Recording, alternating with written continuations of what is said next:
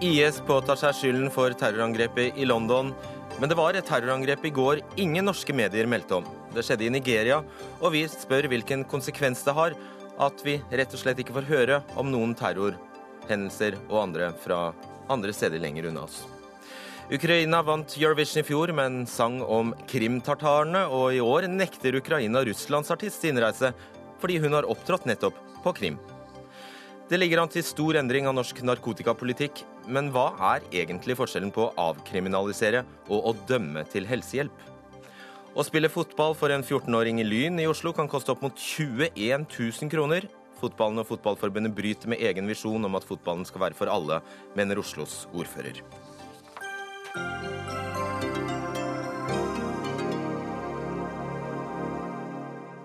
Da ønsker vi god kveld. Dette er Dagsnytt 18. Jeg heter Fredrik Solvang. Terrorgruppa Den islamske stat hevder ifølge sin egen propagandakanal at de sto bak terrorangrepet i London i går, hvor en mann kjørte, med, eh, kjørte ned en rekke fotgjengere på Westminster Bridge før han knivstakk en politimann utenfor parlamentsbygningen. Tre personer pluss gjerningsmannen selv mistet livet i angrepet, og om lag 40 er såret. og Tilstanden er kritisk for flere av dem. NRK-korrespondent i London, Espen Aas. Nå har politiet frigitt navnet på den terrormistenkte Khalid Masud. Hva sier politiet om han? Ja, de har for så vidt ikke sagt så mye om ham, men eh, det har jo vært kjent siden i morges at eh, han var eh, en mann som var kjent for politiet fra tidligere.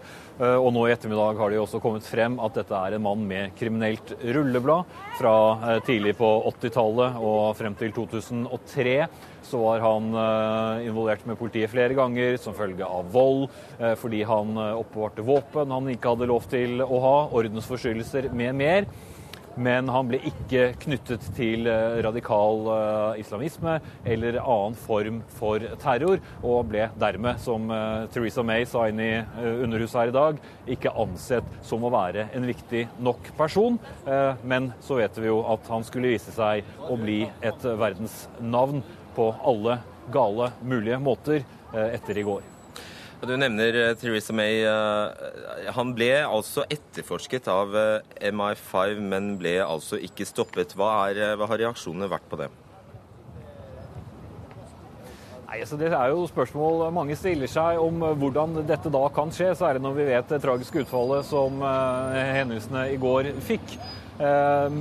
De gjorde vel for så vidt jobben sin, kunne ikke finne noen direkte tilknytning mellom mannen og noe som kunne tyde på at han var involvert i noe farlig. Samtidig så er det også slik at uh, sikkerhetstjenesten, politiet og MI5 og andre har veldig mange i søkelyset som de følger med på. Uh, og det vil jo ha åpenbare begrensninger hvor mange, ganger, mange de klarer å følge samtidig. Det har vært nevnt et tall opp mot 3000 uh, personer som det er nødvendig for for sikkerhetstjenesten her å følge med på. Og det sier seg selv at det krever enormt mer ressurser, og på et eller annet tidspunkt så må man sette en grense. Men selvsagt, den debatten kommer jo nå til å komme opp igjen, eh, og allerede eh, har f.eks. partiet UKIP eh, stilt spørsmålet om man gjør jobben godt nok. Mm.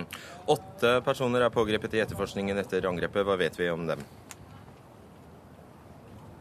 Vi vet foreløpig veldig lite om dem. De kommer fra seks forskjellige adresser. Selv om eh, terroristen var født i Kent i sørøst, så har han eh, de senere årene bodd i West Midlands, hvor eh, politiet aksjonerte da mot seks forskjellige adresser. Det var spor fra leiebilen som han brukte som drapsvåpenet her i går, som ledet dem dit.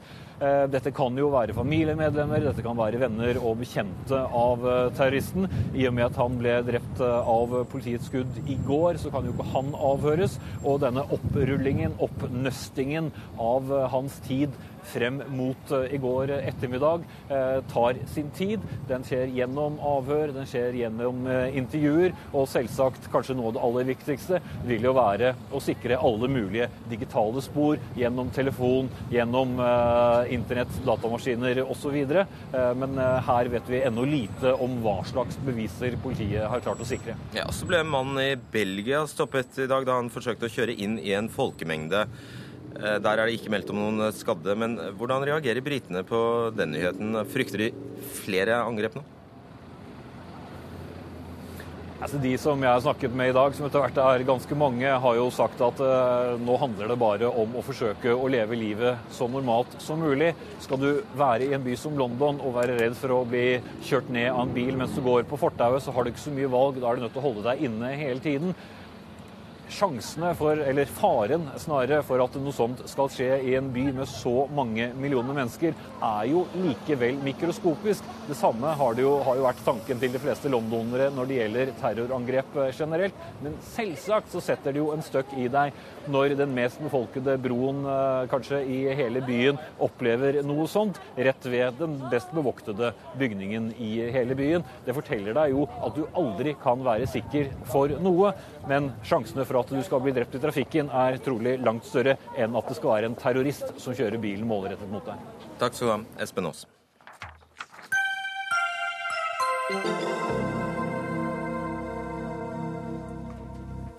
Altså, Rett før klokka 16 i går eh, ettermiddag eh, fikk jeg beskjed av kollegene mine om å sjekke nyhetsbyråene med en gang. Eh, og Da klikket jeg på den øverste hastemeldingen som lå der, og da fikk jeg opp en nyhet om at 44 mennesker var drept i et terrorangrep i Nigeria. Nei, nei, nei, nei, ikke den meldingen. Den under der fikk jeg høre da. Den om London fikk jeg beskjed om. Og dermed lot vi egentlig Nigeria-nyheten bare ligge, og så glemte vi den. Nå viser det seg at denne nyheten egentlig dreier seg om et angrep utført av en nomadestamme i Sentral-Nigeria som har tatt livet av 44 mennesker pga. strid om beiterettigheter på en, på en måned. Eh, men det skjedde faktisk også et terrorangrep i Nigeria natt til i går. Minst fire personer ble drept og minst 18 skadet da fire selvmordsbombere gikk til angrep på flyktningleiren Muna i Maiduguri i delstaten Borno nordøst i Nigeria. Og disse eksplosjonene førte til at mange telt tok fyr, og denne leiren huser mennesker som har flyktet fra islamistene i Boko Haram. Og søndag ble fire personer drept i bombeeksplosjoner i nærheten av denne leiren.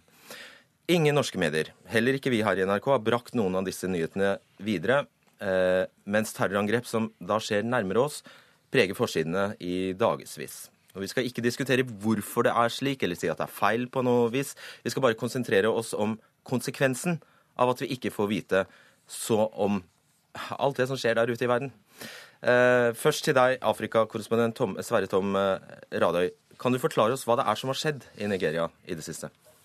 Ja, det er, det er, kjempeinteressant, og temaet er kjempe, kjempeinteressant. Men altså, vi, er litt vel selvpiskende kanskje når vi ikke har meldt tingene i går. Vi har jo vært i det området fire ganger i løpet av, av få år, senest i desember. Og Kristine Preste, en utmerket Afrikakorrespondent, hun sendte hjem en rapport om ofre som ble solgt eller brukt i 20, 20 land. Men når, det, når, den, når den er feid unna, så er det utrolig interessant og viktig viktig det som nå skjer akkurat i den østre delen av, av, Nigeria. For der herjer Boko Haram eh, ikke som aldri før, men på en ny måte. Nå ser det ut som de har tatt en annen strategi ved å gå inn f.eks. i flyktningleirer. Det er jo svært lite populært. De får jo ikke noe åtgaum og, og, og hurrarop for det. Nå spenner de eh, bomber eh, rundt livet og går inn i private hus og sprenger seg selv og tar med da én eller to andre i døden. Det var det som skjedde for få dager siden. Fire selvmordsbombere eh, på nøyaktig samme måten. Det er også en slags lavskala eh, eh, terrorisme i forhold til de mer spektakulære tingene som skjedde mot eh, politistasjoner og og, og militærstasjoner, eh, baser, for ikke så lenge siden. Så det sier noe om en, et, en terrorgruppe antagelig Eh, under svært hardt press. Eh, dette er jo veldig nedrige angrep. Da. Dette er mennesker som er, eh, allerede har flyktet fra den samme terrorgruppa. Boko Haram blir altså tatt i bakhold. Ja, altså det er, det er, så forferdelig som det går an å få blitt. Eh, det er mennesker som flykter fra Boko Haram, som ikke får dyrket eh, jorda si, som står i fare for å sulte i hjel. Mange sulter i hjel. Eh, barn er totalt underernærte. Vi filmet det, det selv i området. Bare skjeletter. Og så går også denne terror, disse gale islamistiske, voldelige terroristene inn i leire og tar de som har kommet seg dit. Det, det er er jo like Det er, det er bare helt forferdelig. Eh, nå skal vi også huske at de, de kommer med en annen type nedrighetsrekord ved å spenne belter rundt livet på sju-åtteåringer og la de sprenge seg selv i, eh, i, på markedet. Mm. Jeg vil bare ha understreket Sverre Tom, at eh, med innledningen her så siktet jeg for så vidt til de løpende byråmeldingene som eh, kommer, bare sånn at vi, vi har det klart for oss. Jo, men vi kan alle føle oss litt tatt på senga av at vi ikke gjør nok. Altså, og vi gjør ikke nok. Og det er en drivkraft til oss å bare fortsette. Så, så en del pisking er helt greit. Morten Rosrup i Leger uten grenser. Hvilke konsekvenser har det at vi ikke får vite om og det, Vi trenger ikke nødvendigvis å snakke om Afrika. Akkurat i dag gjør vi, gjør vi det. Men vi får, det er altså veldig mye vi ikke får vite om, rett og slett. Som ikke rapporteres her. Jeg tror det som er vesentlig, også som er en oppgave for media, er jo å gi en så korrekt virkelighetsforståelse som mulig for folk flest. Det som nå skjer, er at uh, hvis disse historiene som nå ble, ble veldig dramatisk uh, fortalt, og også stemmer med det som våre feltarbeidere forteller, at det er nesten ukentlig selvmordsangrep i disse områdene, at um, hvis ikke dette blir rapportert, så vil folk ikke ha en god forståelse av hva som faktisk foregår i de områdene, og dermed også ha en forståelse for hvorfor folk flykter unna. Og eh, Dette tror jeg får konsekvenser på hvordan vi møter bl.a. flyktninger. Jo mer vi vet om situasjonen folk flykter fra, jo mer respekt og eh, jo mer menneskelighet vil vi også kanskje vise folk vi da møter som, som, som søker tilflukt til f.eks. vårt land. Camilla Holand, du er doktorgradsstipendiat og forsker på eh, Nigeria ved Norges miljø- og biovitenskapelige universitet. Samme spørsmål til deg. Hvilken konsekvens har det at vi ikke får vite om disse terroraksjonene? Ja, jeg vil jo forholde meg da spesifikt til den nigerianske mm. konteksten. Uh, og Nigeria er jo et svært og veldig, veldig viktig land. Og denne konflikten har regionale konsekvenser rundt hele Tsjadsjøen, som òg er en viktig base for migrasjon til Europa. Så selv om Eh, den direkte konsekvensen og de direkte flyktningene som har da flykta pga. Boko Haram, er ikke de som nødvendigvis drar til Europa. Så har man likevel en prosess i Nigeria som handler om destabilisering og svekkelse av statens evne til sikkerhet og kontroll og til velferdsgoder, som bygger opp under og fortsetter eh, grobunn for migrasjon. Så disse tingene henger jo sammen både med at det blir en regional krise, en nigeriansk krise, og som i det lange løp òg bygger opp under krisen mot Europa. Bare forklar kort, Hvorfor er det ikke disse arme menneskene som blir utsatt for angrepene, som flykter? nødvendigvis? De lever jo i flyktningleirer lokalt, og de har i utgangspunktet ikke råd til å migrere generell migrasjonsforskning tilsier at det er folk med litt mer penger som har råd til å migrere. Så de viktigste gruppene som, som reiser fra Nigeria mot Europa, kommer fra sørøstregionen. Mm. Og ikke fra nordøst. Nå er jo dette mm. også et, et, si, et, et bredere problem også, hvis mm. vi går utover Nigeria. Vi tenker på Jemen bl.a., Somalia, også Irak er det, er, det, er det stadige terrorangrep som vi ikke hører så veldig mye om. Så et annet poeng her syns jeg også, det er hvis det er mer oppmerksomhet rundt det, kanskje våre politikere også vil se om de kan ta noen spesielle grep på den internasjonale arena, f.eks. For, eksempel. for det at det ikke skapes noen opinion her, mener du, det ja, fører til noe? Ja, jeg, jeg, jeg, tror at hvis det er en opinion hjemme som, som da legger press på våre, våre politikere, så, så vil det kanskje også få noe positive konsekvenser ved at de tar initiativ. Sverre Tom Radøy, altså Nigerianere sto for den største prosentvise veksten blant asylsøkere til EU og EØS i fjor. 27 000 nigerianere søkte asyl i Italia i fjor. men under 5%, under 5% av dem får innvilget asyl, men 25% får en eller annen beskyttelse, gjerne midlertidig, i eh, Europa. Hva er det som, eh, hva er det som eh, Hoeland er inne på her, som gjør at folk vil vekk fra Nigeria? Nei, jeg forholder meg da til Nordøst-Nigeria, og der er det lag på lag med elende. Eh, det er riktig at folk rømmer fra eh, Boko Haram, og at de dermed ikke får dyrket mat, og at, de dermed, eh, at mange sulter i hjel. Men det er også en delvis menneskeskapt antagelig tørke. Tsjadsjøen skrumper inn.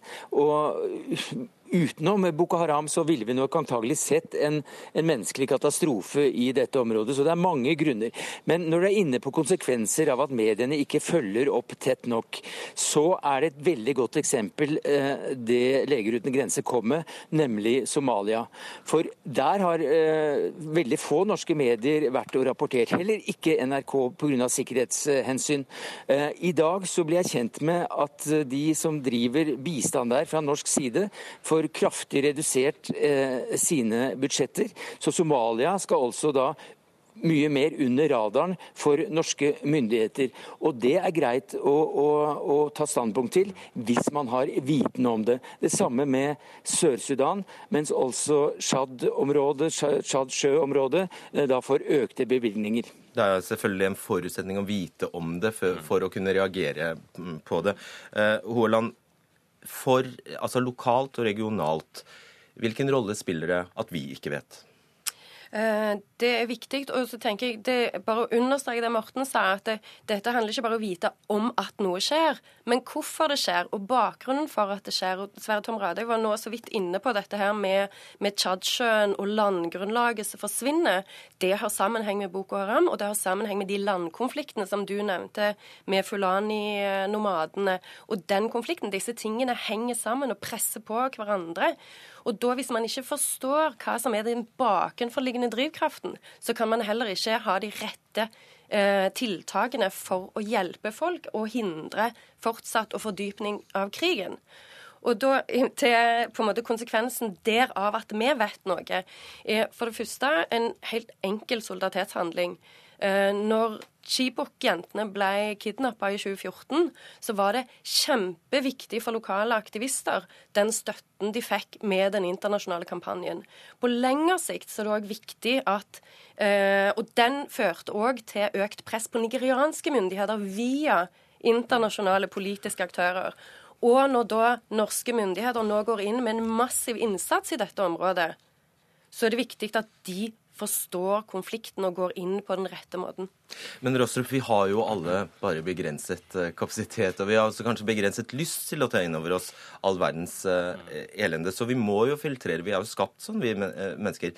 Har vi da nødvendigvis et sånn objektivt ansvar som verdensborger å ta inn over oss alt dette? Ja, jeg, jeg, jeg syns faktisk vi har et, et, ansvar for det. Og hvis, hvis, hvis, man ser tendensene nå, så ser det ut som nesten om vi blir mer og mer selvsentrert. Og vi går mot, mot politiske trender, slik som jeg ser det iallfall, hvor det blir økende nasjonalisme, økende tribalisme.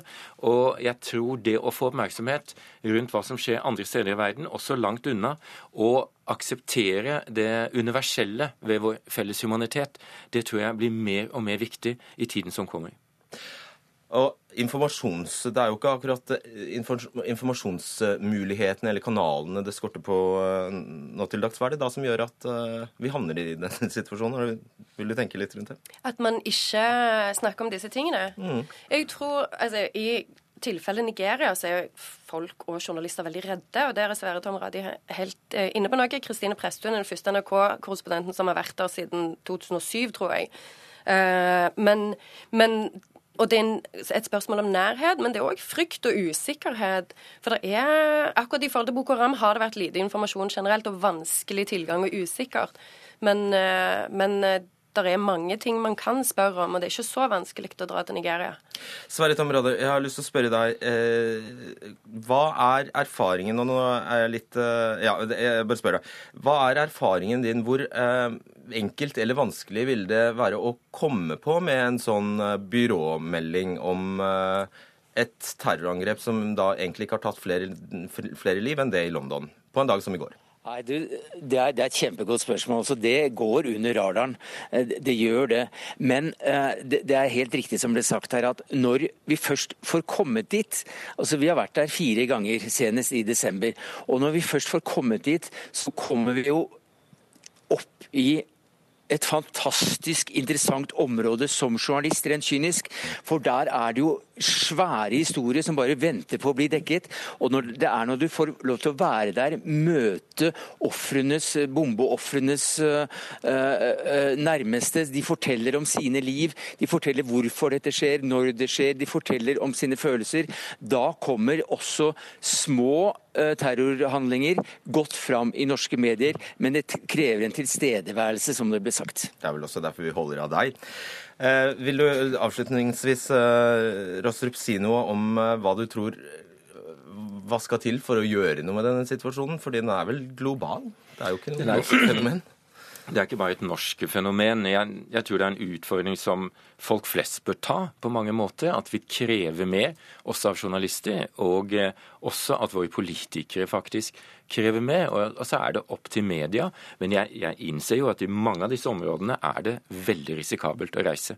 Men vi trenger jo uavhengige media og uavhengige rapporter nå mer enn noen gang, slik som verden utvikler seg. Og så skal jeg pliktskyldig, siden du nevnte Irak, nevne at over 100 sivile da er drept funnet drept i Vest-Mosul, angivelig etter et flyangrep mot området. Eh, Mosul Eye melder at det er funnet 130 døde i ruinene av en eh, bygning.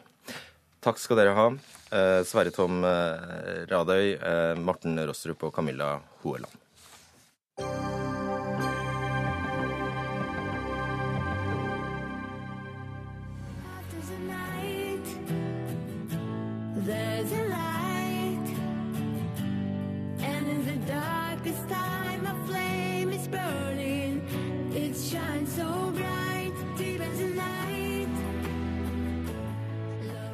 Her hører vi årets russiske bidrag til Eurovision Song Contest. Men Julia eh, Samoylova er nektet innreise til Ukraina i tre år, og hun kan dermed ikke delta i finalen. Årsaken er at hun har opptrådt på Krimhalvøya etter at den ble annektert av Russland i 2014, og at hun dermed har brutt ukrainsk lov.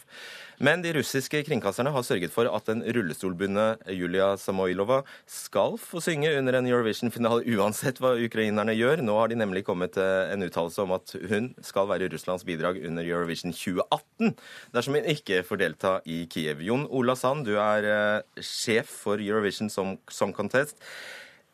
Det har nettopp kommet en melding om at Samoilova Samoylova får delta via satellitt. Er dette ditt påfunn?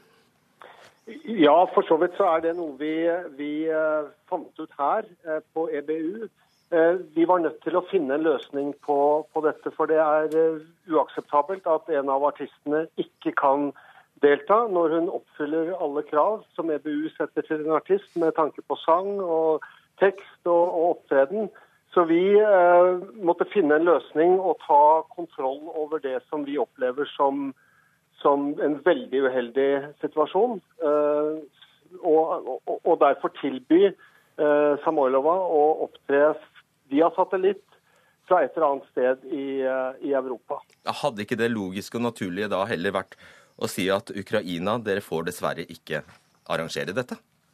Ja, Nå har vi en veldig tett dialog med ukrainske myndigheter. og Dette er jo ganske komplisert, for det, dette henger jo sammen med sikkerhet. Og det henger sammen med med det, det, totale bildet rundt hvordan vi skal kunne greie å få Eurovision Song Contest opp i, i, i Kiev i år.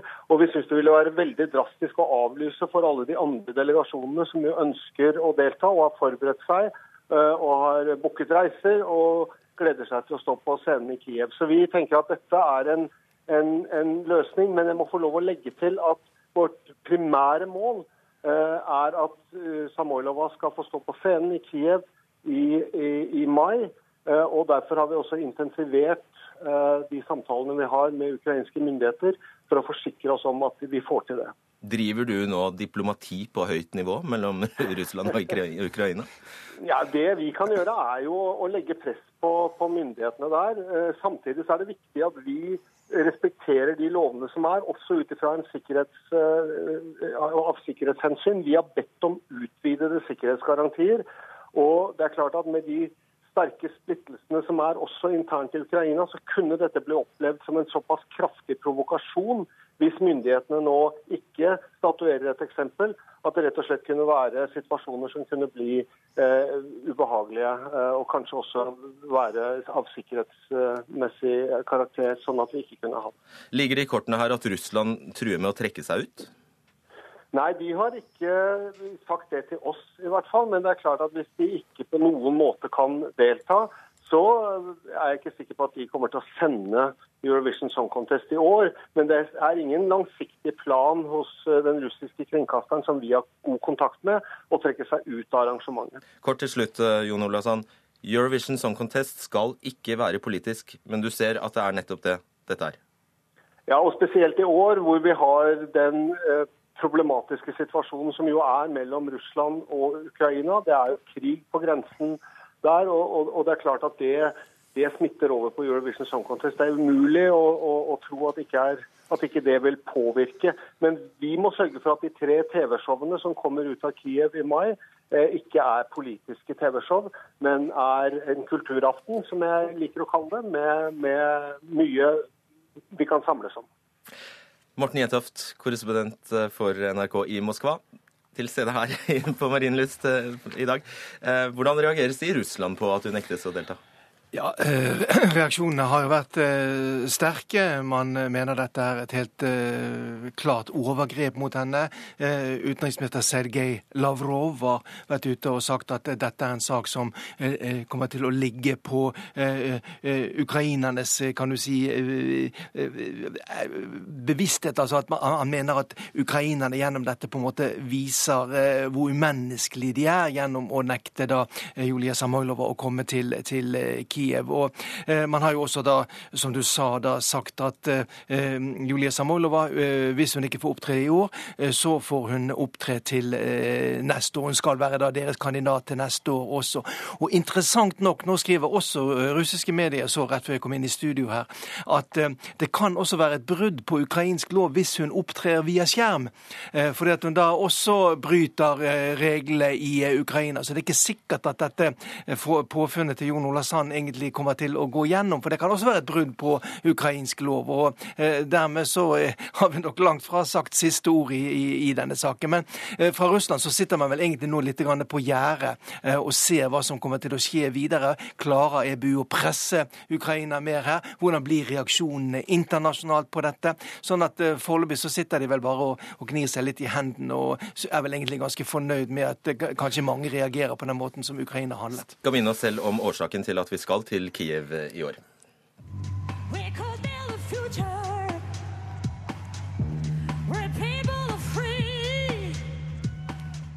For dette, var, eh, dette er eh, Jamala som eh, vant med sangen 1944, som altså handler om krimtartarenes lidelser, bl.a. hennes egen bestemors, som da ble deportert til Sentral-Asia av, av Sovjet. Og da synger hun altså When strangers are coming, they come to your house, they kill you, and they say we're not guilty. Det var altså opptakten og grunnen til at eh, vi nå skal, eh, skal til Ukraina. Guri Itzøviken, du har en engelsk blogg om Eurovision Song Contest. Hvordan reagerer eh, Grand Prix-fansen på det som nå skjer? Nei, Det som er spennende her, er jo at fansen Vi får jo den samme historien hvert år fra Russland om at uh, Russland uh, blir så dårlig behandla av Europa og er så dårlig likt i Europa og har det så tøft i Eurovision. Og Det er jo ganske komisk, fordi at Russland blir jo ofte sånn nummer to og tre og fire og sånn, så de får jo helt tydelig ganske mange stemmer fra resten av Europa. Men det er jo akkurat den samme historien de forteller nå. Jeg sjekka med noen av mine russiske kontakter, og de eh, sier jo at det det i eh, russiske medier de skriver ikke om at Ukraina er slem med dem, de skriver om at Europa er slem med dem. Nå er det Russlandshat igjen i Europa pga. det her. Og det er liksom vi blir litt lei av det, da. Vi, og fansen blir litt brukt ikke sant, i det spillet her. Og det plantes veldig mange historier som fansen litt sånn ukritisk driver og deler. Og det er også et problem. Jentopp Russland satte jo verdensrekord da de arrangerte Eurovision selv, så det må bety en del for det? Ja, Det er kjempestort i Russland. Det har vært stor eh, interesse selvfølgelig foran eh, hva skulle skje i år. Og så skulle Russland i det hele tatt delta. Skulle man dra til Kiev og eventuelt bli ydmyket der? Eh, skulle man sende et av de mange tøffe flinke navnene, kjente navnene eh, i eh, russisk eh, showbusiness, som også faktisk er store navn i Ukraina. Vi skal huske på at disse to landene har jo levd tett sammen, og mange artister har iallfall tidligere da opptredd i, i, i, i, begge land. Men så velger man da denne løsningen her, da, og sender altså eh, Julia Samoilova, som sitter i rullestol, for å se hvordan reaksjonene blir på det. Og eh, kanskje har eh, russiske myndigheter, russisk showbiz, opp oppnådd det de ville her, da. At de får da på en måte en, en, en, en situasjon der man nekter fra ukrainsk side en artist som er kanskje blir sett på litt som et litt sånn hjelpeløst offer da for det storpolitiske spillet, som jo dette virkelig er nå. Og jeg kan jo aldri tenke meg at Russland ikke visste det her på forhånd. fordi at det visste jo til meg jeg. For det sto jo på en svarteliste over at, eh, diverse artister som ikke får lov til å komme inn i Ukraina. Nei, hun sto ikke på den listen. Hun sto ikke på svartelisten. Nei, men det ble gitt ganske tydelig beskjed om at folk som hadde brutt reglene og, og kommet inn i i, på Krim og spilt på Krim, ikke fikk lov til å komme inn. Og da er det litt sånn der, når Russland da likevel Det er bare halvannen uke siden de bestemte seg for den artisten. Og når de likevel bestemmer seg for henne, så, så, vet de hva de holder på med. Syns du det gjør Eurovision Song Contest mer eller mindre interessant, dette her? Jeg syns det er kjempegøy. Jeg tenker at uh, Det er en del av spillet. og jeg tror Vi må liksom akseptere nå at Europa er mer politisk enn det har vært på lenge. Og Det er klart at det kommer til uttrykk når 42 land møtes i en arena. Ja, og Det har jo alltid vært politisk. altså Hvis man følger disse avstemningene, så er jo det absolutt politikk. Se på avstemningen i det tidligere Jugoslavia. I fjor var det jo også interessant at mens Ukraina og Russland lå i krig med hverandre, så stemte faktisk befolkningen i landene på hverandres artister likevel. Mm. Jon Olav eh, hvis det som blir sagt her eh, har et snev av eh, sannhet i seg, så kan, altså, altså, kan dere risikere å være brukt som en brikke i et spill? Ja, men ja, Eurovision Song Contest er der, og, og, det kommer til å være der hvert år. Og det er klart at Vi eh, ser jo at eh, dette året har vært eh, veldig veldig vanskelig på mange måter pga. den konflikten som er der. Så vi må prøve å holde tunga rett i munnen. Vi må prøve å levere gode TV-show som kan forene folk. Og nå må vi tenke på at det er 42 andre delegasjoner, eller 41 andre delegasjoner som kommer til, til uh, Kiev og som kommer til å møtes i, i, en mye mer vennskapelig og hyggelig setting enn det vi ser eh, bygger seg opp nå mellom Ukraina og Russland rundt Eurovision Song Contest. Men det, jeg må bare si, jeg syns det der er ganske klønete altså, å be, la hun få lov til å spille på eh, satellitt.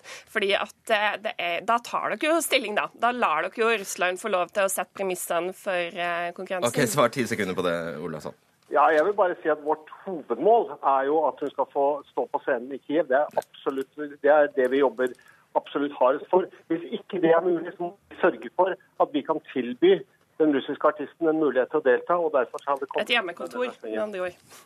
OK, nå, nå er det nok. Takk skal dere ha. Nå også superdiplomat Jon eh, Ola Sand, Guri Itzeviken og Morten Jentoft. Dagsnytt 18 alle hverdager klokka 18.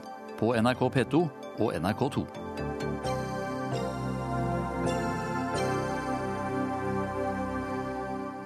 Partienes holdning til narkotika er i rask endring. Denne uka gikk både SV og Høyre inn for en kraftig oppmykning av den nåværende loven på sine respektive landsmøter. Mens Høyre fikk overskriften 'Helseministeren vil ikke straffe rusmisbrukere', ble SV denne overskriften til del i VG. SV vil la folk røyke hasj, ta ecstasy og sniffe kokain.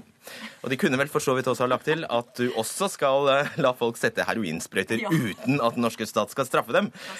Inga Marte Torkelsen, Hei. Hei, fra SV. Hvorfor helt vil du det? Helt rusfri og helt nøktern. Bra å høre. Godt å høre. Ja. Men hvorfor vil du alt dette? Eh, det handler jo om flere ting, men eh, utgangspunktet er jo at eh, narkotikapolitikken sånn som den er i dag, den har veldig mange negative sider. Og særlig for de som er tungt rusavhengige, og som har hatt den verste barndommen, og som har egentlig de beste grunnene til å bedøve bort de følelsene de har, og alt det vonde de har med seg. De får en tilleggsbelastning ved at de også får stempelet kriminell. Og vi mener, som helseministeren og som Høyre, at eh, vi må heller møte dem med behandling og med hjelp. Eh, og strekke ut en hånd til dem enn å kappe av den hånda og si at de er et eh, problem som justisvesenet skal ta seg av. Så aksjemegleren som sniffer kokain hver eneste helg på Champagneria, han skal nå få hjelp? Ja, Det er jo ikke sikkert at han vil ha det, men det kan hende at han skal miste lappen. Okay. Eh, og det er jo en uh, mulighet som uh, man har i Portugal, blant annet, hvor de har et sånn nemndsystem som du kan da bli pålagt å møte for. Og det er en interessant variant. Sa jeg heroin, eller sa jeg kokain? Du sa vel kokain. Jeg ja, tror vel egentlig ikke at det er så ja. Men ja, for all del. Det kan godt hende at, det, er, at ja. også er et problem der. Men, men, det er det ene. Det andre handler også om de unge. Altså, det er verdt å merke seg at alle ungdomsorganisasjonene, alle ungdomspartiene, har gått inn for en nytenking. Avkriminalisering, men noen går også for legalisering, da. Men de tar jo utgangspunkt i at det må være mulig å vise ungdom at det ikke er lurt å ruse seg uten at det skal være forbudt greit, men, og forbundet med politi. Ja, men bottom line, dere vil altså avkriminalisere, hvilket betyr at bruk man ikke får og bruk og besittelse, hvilket betyr at man ikke får straff. Så enkelt kan man si det. Det er riktig, men det betyr ikke at vi ikke skal reagere lenger. Med hjelp. Eller bry oss, ja. ja. Nikolai Astrup fra Høyre, hva er det dere har gått inn for? Ja, det er jo veldig mye av det samme, egentlig. Eh, det handler om, eh, Narkotika skal fortsatt være forbudt, eh, men det handler om å flytte reaksjonen fra straff til hjelp. Og vi også er jo inspirert av Portugal-modellen, der man må møte for en nemnd. Og man får oppfølging og behandling fremfor reaksjon gjennom politi og rettsvesen. Hvorfor står det da fremdeles i Høyres program forbud mot bruk og besittelse av narkotika er et viktig normdannende tiltak? Ja, det står jeg fast på. Derfor startet jeg innlegget mitt med å si at det fortsatt skal være forbudt å bruke narkotika i Norge. Eh, og det er viktig normdannende. Vi ønsker ikke at eh, narkotika skal flomme fritt i samfunnet. Eh, men samtidig så må vi erkjenne at det å f.eks. straffe tunge rusmisbrukere og sette dem i ytterligere gjeld, det har ingen hensikt. Det de trenger er hjelp og oppfølging. Og det må vi gi dem. Og ja, men i normdannende tiltak så forstår man jo en slags fordømmelse? Ja, altså Det skal fortsatt være forbudt. og det, I det så ligger det en fordømmelse, ja. Eh, men samtidig så er det sånn at unge mennesker av ulike årsaker begår eh, feiltrinn. Det er selvmotsigende, det er poenget? Nei, det vil jeg ikke si. Men det kan programlederen gjerne synes. Men eh, unge mennesker begår feil av ulike årsaker. Noen har sammensatte utfordringer, som Inga Marte var inne på. eh, og trenger mer hjelp og oppfølging enn andre. men jeg tror for veldig mange, også de som kanskje bare eksperimentere med dette, så vil det å måtte møte for en nemnd eh, være eh, avskrekkende i seg selv. Mm. Hva er forskjellen på dere? Det er jeg faktisk ikke helt sikker på sjøl. Og det tror jeg egentlig ikke at vi skal trenge, trenger å bruke så mye tid Nei. på. Okay, det. Da spør vi en annen. Ja, men jeg har lyst til å si en ting, og det, det er viktig for meg. Eh, blant annet noe som Rio har tatt opp, altså Rusmisbrukernes interesseorganisasjon. Det er liksom behovet for at vi setter oss ned og prøver å enes om et helhetlig opplegg. Det eh, tror jeg er veldig viktig at vi svarer på. Fordi at eh, Vi trenger også å få gjort noe med selve eh, behandlingstilbudet. Hvordan vi møter, ja. altså hva slags tilbud vi egentlig gir. Hva slags innhold skal det være i behandling eh, og rehabilitering osv. Der trenger vi å gjøre masse, og det bør vi også prate om. Mina Gerhardsen eh, i Aktis rusfeltets samarbeidsorgan, kan du rydde opp her? Hva er forskjellen på dem? jeg kan prøve. Eh, det, som vi oppfatter det, så er det veldig brei enighet nå i de fleste politiske partier om at vi skal ha en rusreform, og at det skal endres i reaksjoner forhold til folk som har et rusproblem, over til helsehjelp og behandling. Det, det mener vel så å si alle. Aktis har vedtatt det i fjor, eh, at bøter ikke er svaret. Så det, debatten er egentlig ikke der. Det er det snakk om å endre praksis og eventuelt endre lovverk for å møte de som har eh, en rusavhengighet. Der det er, som jeg oppfatter det, en, et skille, er i forhold til reaksjoner mot unge. Der Høyre er tydelig på at, man, at forbudet har betydning. Eh, man ønsker fortsatt ungdomskontrakt, og man ønsker mulighet til sanksjoner. Men sånn eh, SV har framstått, da kan det hende at det er uriktig eh, oppfatning, men det har sett ut som at det kun skal være frivillig oppfølging. Og da er vår bekymring at unge kan si nei til hjelp de burde ha fått og skulle ha fått fordi du fjerner virkemiddelapparatet. Eh, Norge ligger lavest i Europa på rusbruk blant unge i dag. Vi gjør ganske mye som er bra på det området. Og vi har, det er en blanding av forebygging, holdninger, forbud og tidlig innsats. Og vi er bekymra for at avkriminaliseringslinja kan bety at vi ikke kan gripe inn mot unge på vei inn i et rusproblem, fordi de også kan velge eller la være å velge tilbud. Bare svar veldig kort på et enkelt spørsmål. Hvordan mener du det bør reageres overfor meg hvis jeg tar kokain? Vi er åpne for ulike versjoner her. Vi mener at det fortsatt skal være et forbud, og at det bør være en reaksjon. Eh, kanskje er nemndløsningen i Portugal en løsning? At du skal inn og ta en prat med fagfolk og høre om du trenger oppfølging? Ja. Uh, Jan Astrup? Ja, jeg er enig i det. Eh, og jeg er opptatt av Portugal-modellen er jo slik at hvis du gjentatte ganger ikke møter, så eh, kan du risikere å komme inn eh, til at eh, justissektoren igjen trer inn, og at du kan få bøter og eventuelt fengsel, avhengig av hvor alvorlig dette er. Så det må være et ris bak speilet, i den forstand at du må møte, og du må få oppfølging, og du må få behandling som er tilpasset det behovet du har. Og Det tror jeg kan være vel så effektivt som det systemet vi har i dag. Og For denne aksjemegleren da, så er det ikke sikkert at en bot er så veldig avskrekkende. Men det å måtte møte for en nemnd, kanskje miste førerkortet, gå til behandling, Eh, over en lengre tidsperiode, Det kan jo både være nødvendig for vedkommende, eh, men også virke mye mer effektivt enn Det- det, opp- eh, enn det en bot kan gjøre. skal bare oppklare en ting, siden alle nevner Portugal her. altså Der eh, har de avkriminalisert, og de opererer med at er, der er det lov å bruke er det, det er lov med opptil ti brukerdoser. Ja. Hva mener du skal være lov her, eh, Inga Ja, Marte det har jeg ikke tatt stilling til detaljene i. Og det tror jeg Nei! Jeg tror vi skal bruke litt tid på å finne ut av det også. Eh, Det som er viktig, er egentlig det som Mina Gerhardsen sier, at alle partiene faktisk har bevega seg i en retning. Men så syns jeg òg at det blir litt lettvint altså, overfor ungdommen. Eh, Det er jo eh, ikke sånn at liksom det at det er forbudt, er den eneste grunnen til at unge i dag avstår fra å bruke narkotika.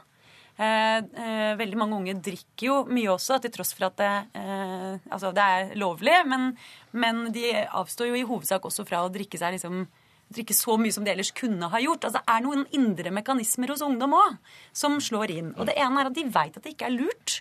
Ikke sant? De veit om skadevirkningene, så opplysning er superviktig. Det andre er jo at det er viktig for dem reak hvilke reaksjoner de møter hos folk som betyr noe for dem. Men det at vi da liksom tviholder på den forbudslinja og tenker at det er det som skal hjelpe, det kan også føre til at det er en del som da velger okay. å gå over streken, og så får de den kriminelle merkelappen, og så blir det vanskeligere å hente dem tilbake igjen. Svar kort på. Ja, jeg er i og for seg enig i det, men jeg er Ja, også men dere er enige? Ja, vi er enige. men jeg, men jeg, men jeg er i og for seg opptatt av at uh, i dag så er det jo sånn også tunge narkomane de, de får også bot hvis de blir tatt med en brukerdos på seg. Det er jo feil bruk av ressurser. Dette er mennesker som virkelig trenger eh, samfunnets hjelp aller mest, og de trenger hjelp og oppfølging, og ikke straff. Okay. Og det hjelper altså ikke eh, å Jeg følge trenger litt uenighet her. Eh, eh, Det er ikke hyggelig med en sending der vi er enige, da? Nei. Dette har vært en hard kamp for Aktis i 15 år. Betyr dette at dere har dere tapt? Nei, at eh, flere vil satse på mer, bedre rusomsorg. det vil jeg si. Avkriminalisering. Ja, men eh, essensen her er jo at mennesker som trenger rusbehandling, skal få rusbehandling. Det er ikke en negativ sak for en organisasjon som jobber på vegne av pårørende, brukere, frivillige. Men det er kanskje avkriminalisering? Eh, Det, det som er foreslått nå, er jo veldig forskjellig. Derfor jeg mener at det er skille mellom Arbeiderpartiet og Høyre, som har forslag som også innebærer reaksjoner. Så er vi litt usikre på hva SV mener. Hvis det er kun frivillige reaksjoner som er innenfor SVs modell, så mener jeg at det er feil. Men eh, Astrup sier jo, fortell, eh, beskriver jo dette som en papirtiger, det forbudet. Jaha. Eh, Han sa at Altså, det skal jo ikke Nei, få store konsekvenser. Nei, det, det skal men få konsekvenser, men altså gjennom helsevesenet Og og ikke gjennom justissektoren. ja. Og det er, eh, kan, virke, kan virke vel så avskrekkende Så gjør det fort ferdig, ja, så må vi ha fjerne det. forbudet har også betydning for forebyggingen. Og det vi hører nå, er fra de som er ute i skole og snakker med ungdom, er at de får beskjed om at eh, nå er det jo lovlig, nå er det greit, nå er det fritt fram.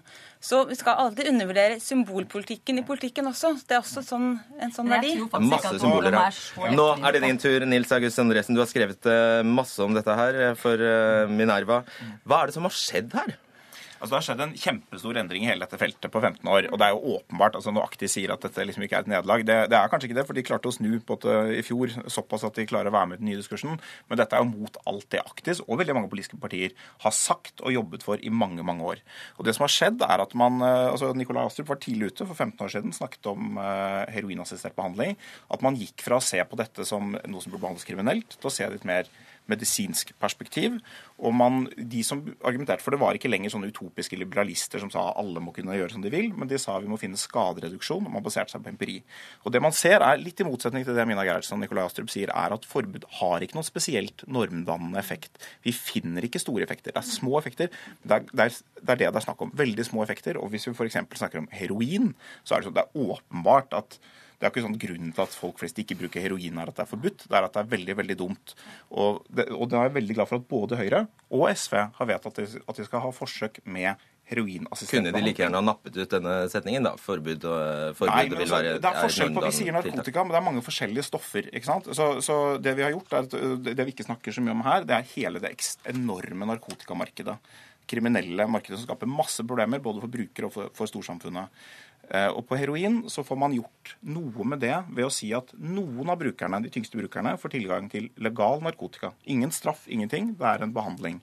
Og så har vi ikke gjort det samme for andre stoffer. Jeg mener nok at man kunne gått i den retningen med cannabis. For det som Mina Gerhardsen og Nikolai Astrup sier her, altså at man skal på en måte finne behandling for en 22 år gammel gutt som blir tatt med en brukerdose cannabis, det er ikke sikkert det er behandling han trenger. Vi mangler liksom begrepsapparat for å, for å snakke om det. Og det, Avkriminalisering er et skritt i riktig retning, men det gjør ikke noe med det store illegale markedet. Så det å finne begrensede, strenge omsetningsformer for noen av brukerne er et skritt i riktig retning. Og det, det vet Høyre og SV, for de har gjort det i heroinpolitikken, og det er veldig positivt. Og om ti år så kommer Mina Gerhardsen og Aktis også til å være enige, Men, og det gleder jeg meg til. Ja, ok, Ikke forskutter så langt. Eh, kan, du kan eh, holde deg til ett år. Om, hvor er vi om ett år? Om ett år, så, eh, etter valget, så kommer heroinassistert behandling, forsøksordninger, til å komme. Det er min spådom. Og vi kommer til å få en form for avkriminalisering, ganske begrenset, et sted mellom det Nikolai Astrup og Inga Kaller vi det avkriminalisering? Ja. På folkemunne. Men eh, politikerne finner sikkert et annet. Helt sikkert. Men, OK, Gerhardsen, dette må du svare på. Ja, um, i forhold til heroin så mener vi at det bør være et faglig spørsmål, ikke noe politikere skal vedta. Og det er faglig rådet foreløpig at det ikke er en Det morsomste var at han sa, Nei, men det, det morsomste var at han sa du har tapt kampen. Ja, Det var jeg ikke enig i. Eh, det svarte jeg vel på i stad. Eh, men det viktigste nå føler jeg at vi må, vi må se på forebyggingssida her. Norge gjør det bedre enn de aller fleste land på å holde ungdomsbruken lav. Da er det viktig at vi tar vare på det som virker. Når eh, kun 2 av norsk skoleungdom har brukt cannabis mot mye høye tall i Europa, så gjør vi noe som er rett. Så vi må forsterke det som er bra i norsk ruspolitikk. Og det er jeg veldig enig med Inga Marte Torkelsen. Det er ikke bare forbudet, det er jo summen av ting. Så vi må, må ikke eksperimentere med det som faktisk gjør at vi har mindre rusproblemer enn veldig mange andre blant ungdom. Er du enig i det? Uh, ja, altså jeg er veldig opptatt av at vi må se helheten i det. og så Er jeg jo enig... Er du enig i det? I, ja, ja jeg, noe av det er jeg enig i. Men jeg er litt usikker på hva du legger i, i det helt sånn innholdsmessig. Uh, fordi at jeg tror jo at noe av det aller viktigste vi har gjort med ungdom, det er å ta dem ordentlig på alvor, og at vi bruker tid sammen med dem, snakker med dem, at foreldre er til stede med dem mm. og bryr seg om dem. Det er en veldig god side ved Norge, og at vi har veldig relativt små forskjeller i forhold til andre land, eh, som gjør at de kanskje har mindre behov for å ruse seg fordi de har det bedre. Vi har en velferdsstat som gjør at de føler seg tryggere og friere. Så de har ikke så stort behov for å bedøve seg. Det er kanskje det aller viktigste vi gjør. Men de som da har behov for det, og som har det veldig vanskelig, og de er det mange av, de opplever jo ikke en god effekt av dette forbudet. De opplever jo tvert imot at vi ofte skyver dem over til politiet. Så hvis jeg kan ønske meg noe om ett år, så er det følgende. Eh, og vi gjør det nå i Oslo det er at vi går ut, så spør vi de unge hvorfor ruser dere dere egentlig? Og hva er deres råd til hva vi kan gjøre for at dere skal få en best mulig hjelp? Fordi at Grunnen til at dette har flytta seg så mye, det er det siste jeg skal si, det er at vi har begynt å la de som står midt oppi det, komme til orde i mye større grad enn før. Før så snakka vi bare om dem, akkurat som vi gjør nå, for nå sitter vi her og snakker om dem. Det er ingen til stede som har, hatt de skoa på, tror jeg, da. Eh, men kanskje noen av oss har vært pårørende, f.eks. Det, det har vi. Men likevel, altså det å snakke med de folka det angår, det må vi gjøre mye mer. Ok, Astrup. Eh, altså, bot er altså det sterkeste virkemidlet som skal stå igjen etter, uh, etter, etter man har endret loven her. Nei, altså, eh, Hvorvidt man skal få bøter eller ei. Altså, poenget er jo at man skal få hjelp og behandling. Eh, men i ytterste konsekvens, så, eh, og hvis man ikke tar imot den behandlingen, så må man tilbake til eh, justissystemet. Men er, at oppfølgingen nå skal skje gjennom helsesystemet, det er å anerkjenne at dette er et helseproblem. Så du får ett forsøk med helsehjelp, og så hvis Nei, du ikke er med på det, så får du, blir det fengsel? Portugal-modellen er flere forsøk, helt åpenbart. Men så må vi omsette Portugal-modellen til norske forhold. Så derfor må vi utrede akkurat hvordan vi skal gjøre dette i Norge. Det har vi ikke alle svarene på i dag. Men jeg har lyst til å si det er 8000 sprøytenarkomane i, i, Norge i dag. Eh, 9000 opiatavhengige. Alle disse har funnet sin vei inn i det helvetet som de lever i nå, eh, gjennom lettere narkotiske stoffer. Så eh, jeg mener derfor det er utrolig viktig at vi står fast på at det er forbudt med narkotiske stoffer i Norge. Eh, det er et viktig normdannende tiltak, og det er et viktig signal til unge mennesker som vokser opp om at det er faktisk ikke lov. Eh, og blir du tatt med det, vel, så blir du sendt inn i behandlingsapparatet. Og det kan være en trussel nok for mange. Og så er det utrolig viktig med de tunge narkomane. Det er jo 260 mennesker som dør av overdose hvert eneste år. Hvordan vi kan klare å hjelpe dem bedre. Og det å jage dem rundt med, med trusler om represalier fra, fra, fra, justissektoren, det tror jeg ikke virker overhodet. Og det er mye derfor vi sitter her i dag, selvfølgelig. Nei, nå er det, det er langt over. Takk, Nicolai Astrup Inga, Marte Torkelsen, Mina Gerhardsen og Nils August Andresen. Hør Dagsnytt 18 når du vil. Radio NRK Radio.nrk.no.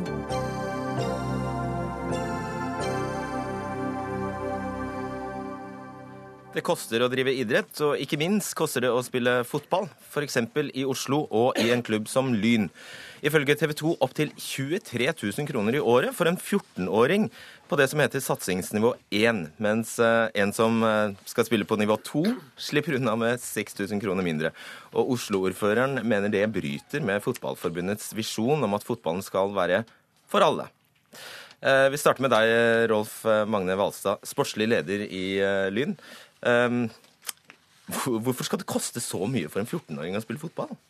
Nei, Hvis det hadde vært rett, så hadde det vært for mye. Men det er selvfølgelig feil. Og det er jo ikke første gangen TV 2 bommer med, med, sånne tallstatistikker, og det får vi jo leve godt med. Eh, det dyreste tilbudet eh, som vi har på det vi kaller treningsgruppe 1, er 12 000 kroner per år. Og Så kan det i tillegg være aktiviteter som, eh, som laget deltar på, og som kommer utover det. Men da er det enten ved foreldrebetaling eh, spesifikt for det arrangementet, eller så er det knytta til dugnader som eh, vi har mye av i Lyn. Mange hundrevis av timer som da er med og skaffer inn de pengene som du snakker om. Ja, 23 000 uh, kjenner meg ikke igjen i. Ja, ok, og Vi har ikke TV 2 her til Nei. å svare på det heller. Men det er jo er det ikke så enkelt som altså, Du kan ikke nappe ut turneringskostnaden, f.eks. Altså la 14-åringen uh, bare trene og aldri spille turnering. Nei, Det kan du gjerne si, men samtidig er det en del av eh, det differensierte tilbudet som vi har, som, eh, som, gjør at du kan komme derfra, som du antyder nå, og langt nedover mot rundt 4000-4500 kroner, som er for de rimeligste tilbudene. Jo, men det er helt urimelig. Det er jo helt urimelig å ikke ta med kostnaden for turnering, f.eks. Eh, det kan du godt si, men det er jo ingen eh, folkerett heller å skulle delta på alt som, som finnes. Er det det? Du skjønner hva jeg mener? Eller? Jo, jeg skjønner hva du ja. mener, men samtidig så er det sånn at uh, det er et poeng for oss at, uh, at uh, vi har flere tilbud. Det har vi skjønt. Ja. Marianne Borgen, ordfører i Oslo for SV. Du har reagert på dette? Ja, jeg har ropt et lite varsko jeg, på de økte kostnader som er i idretten. Ikke bare i fotballen, men generelt sett. Også på 12 000 kroner, hvis det er det som er summen? Ja, så 12 000 kroner pluss kostnader til å være med på cuper og sånn er veldig dyrt for veldig mange familier. Særlig der hvor det kanskje er flere barn i familiene. Og jeg har fått mange henvendelser de siste ukene, både fra enslige forsørgere, fra trenere, fra foreldre som er bekymra fordi barn ikke begynner i idretten, og fordi barn slutter slutter tidlig fordi de ikke føler at de får lov å være med på det som er morsomt. Og dette handler jo om at barn gjennom å ikke få lov å delta i idrett, blir fratatt også muligheten for det idretten er så bra på, nemlig å skape vennskap, tilhørighet, trygghet, opplevelser. Alle de viktige tingene som idretten faktisk er kjempegod på. Og da skal vi passe oss slik at det ikke blir for dyre inngangsbilletter og for dyre kostnader. Og det skyldes både foreldre som er ambisiøse, kjøper de aller dyreste utstyret, og det skyldes også kanskje ambisiøse ledere? Svar på det. Ja, Svaret på det er jo at vi eh, som jeg sier, vi har tilbud på flere nivåer. Og det at, eh, at eh, det er forskjell Det har jo vært litt av denne diskusjonen som har gått nå. Det er Frode som, som drar opp debatten. Drar den opp i forhold til østkanten av byen, eller de deler av, av byen som som har, eh, ikke har den samme økonomien i familiene og i distriktene sine. I, i, i vårt land, i Lynland, for å si det sånn, og, og sikkert store deler av, av, vestkanten av byen, så er det å håndtere de beløpene vi sier, eh, overkommelig, og, og, og, kanskje til og med ikke noe problem. Mens det i andre deler av byen vil være helt uoverkommelig. Og dette har litt med bosettingsstruktur og sosioøkonomi i den byen vi bor i. Lynbarn har råd. Ja, jeg, tror, jeg vil ikke karakterisere spesielle lynbarn eller spesielle klubber. Jeg tror man rett og slett skal ta på alvor nå at kostnadsutviklingen i idretten har blitt så høy at det begynner å bli et problem for veldig mange barnefamilier. Og Det syns jeg at idrettens ledere skal ta på alvor, det skal foreldrene ta på alvor. Og så må de analysere seg fram til hva som er årsaken til at mange barn ikke begynner, og at mange slutter for tidlig. Kristoffer Vatstad, du er fagansvarlig for klubbutvikling i Norges Fotballforbund. Hva er resepten her? Ja, det, altså Jeg er jo enig i Rolf Magne sier her at det er jo veldig nyansert, det her bildet. Eh, og det, Den debatten som har pågått de siste dagene, har jo på en måte egentlig gjort den mer unyansert. Eh, det snakkes om toppfotball, det snakkes om breddefotball, barnefotball og ungdomsfotball. Så vi er liksom nøye på hva vi egentlig snakker om. Og, og, og ordføreren snakker også her om inngangsbilletten til idretten. Og, eh, og det er idrett, men, men jeg opplever, eh, som jobber med norsk idrett og da fotball, at inngangsbilletten til norsk idrett er lav. De aller, aller fleste barn og unge får lov til å delta på en lav pris. Eh, det er i utgangspunktet ikke et, eh, et kjempe, kjempeutfordring. Hvis det er 12 000 som gjelder, da, så er ja, jo ikke det, det, veldig billig. Det er ungdomsfotballen vi snakker om her. Det må være nøye. Så, og vi må ikke blande barn og ungdom sammen. Og Vi ser, vi har tall på som viser at i, i landsgjennomsnitt så er det 8% av klubbene i ungdomsfotballen som tar 3000 kroner eller mer i aktivitetsavgift eller medlemskap. Så det, det er billig å drive på med fotball.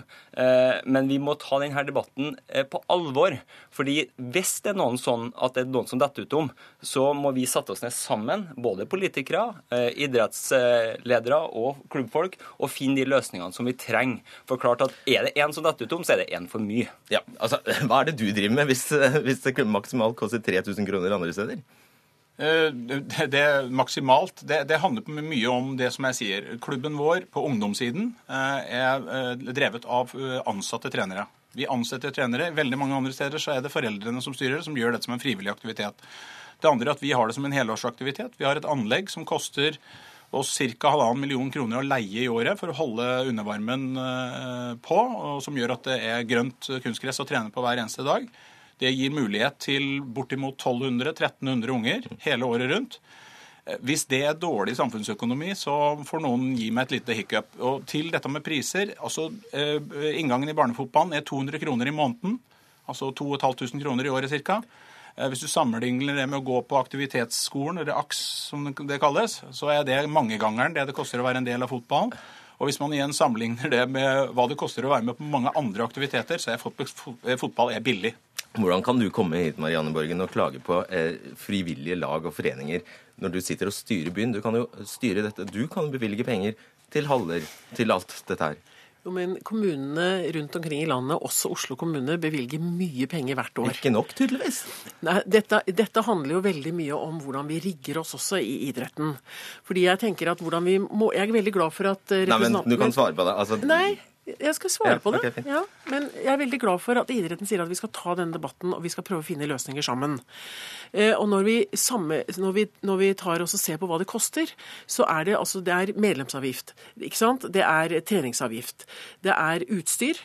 Det er cuper. Det er turer. Det er haller. Og, og, selvfølgelig haller. I Oslo så er det slik at halvleie og baneleie koster ingenting for klubbene. Det betaler Oslo kommune. Så kunne vi ha hatt flere haller og flere eh, kunstgressbaner i byen. Det jobber vi med, for det har det vært for dårlig av i Oslo, det er helt riktig. Eh, men, men vi må også orke å se litt på det utstyrshysteriet som til dels er i noen av idrettene. Jeg sier ikke at fotballen er verst, eh, men, men det er altså cuper og turer. Og det er klart det er ikke noe gøy å være med på et fotballag hvis du ikke kan være med på cuper. Mm. Nei, det var det som var mitt poeng også. Men, eh, hva, hva, du skal få svare på det. Men hva, hva, hva gjør dere i Fotballforbundet helt konkret for å unngå at, eh, at unger ikke faller ut pga. økonomi? da? Nei, altså vi jobber jo med klubbutvikling. Eh, og, og, da er det å utdanne ledere, det utdanne trenere, det utdanne organisasjonene til å kunne håndtere de her utfordringene som ligger både på det økonomiske sida, på, på aktivitetssida. Eh, og det er noe vi satser på. Eh, og vi kutter utgiftene til trenerkursene våre og, og, og, på en måte legger til rette for det. Men så er det jo sånn at klubbene er jo autonome. Det, det, er medlemsstyrt. Og der kan ikke vi som i, i, vår organisasjon gå inn og, og si til klubbene at de ikke kan gjøre det sånn. Men man vil jo eh, Har du ingen ris på Jo, men jeg, jeg, opp, jeg, vil oppfordre folk til å melde seg inn i klubbene og møte opp på årsmøtet og stille spørsmål til, til lynledelsen om hvorfor det koster det så mye penger, hvis det er oppleves sånn i Lyn. Og så vil jeg si det også til politikeren her at klart at vi bygger anlegg, det er fantastiske anlegg som bygges rundt omkring i Norge, men på Oslo øst så har det vært bygd mye kunstgressbaner uten undervarme. og klart at Kommunen har lagt gresset. Undervarmen skal kommunen, eh, klubbene ta sjøl. Da må klubber på Oslo østre og til Akershus på vinteren og trene. Og klart at Da blir det dyrt, altså. Kommer de til dere? Må de til dere, f.eks.? Vi har pleid å leie ut banen vår. Nå blir det færre og færre utleietimer eh, fordi at det er flere baner rundt om i Oslo med undervarme. og Ære være kommunen og samarbeid. Vi har, vi har for øvrig et veldig godt samarbeid med Oslo kommune. Vi er veldig happy. Vi har fått én ekstra bane i 2017 og jeg, nei, 2016, og jeg er kjempeglad for det. Vi bare mangler to til. Men det kommer, det håper vi på. Men, men det er klart at det med anlegg, som Kristoffer snakker om, det, altså har du gode baller, eh, gode trenere og gode baner, så er aktiviteten i gang. Ti sekunder, Marianne Borg. Ja, Det hjelper ikke å bygge ut bare baner og anlegg hvis ikke vi samtidig orker å ta et oppgjør med den andre delen av kostnadsutviklingen. som Vi faktisk, vi kan redusere presset på utstyr, vi kan redusere presset på turer, eh, treningsleirer okay. i Madrid osv. Det må vi også gjøre. Og der setter vi et strekk. Tusen takk skal dere ha. Jarand Ree Mikkelsen, Erik Sandbråten og Fredrik Solvang sier eh, god kveld.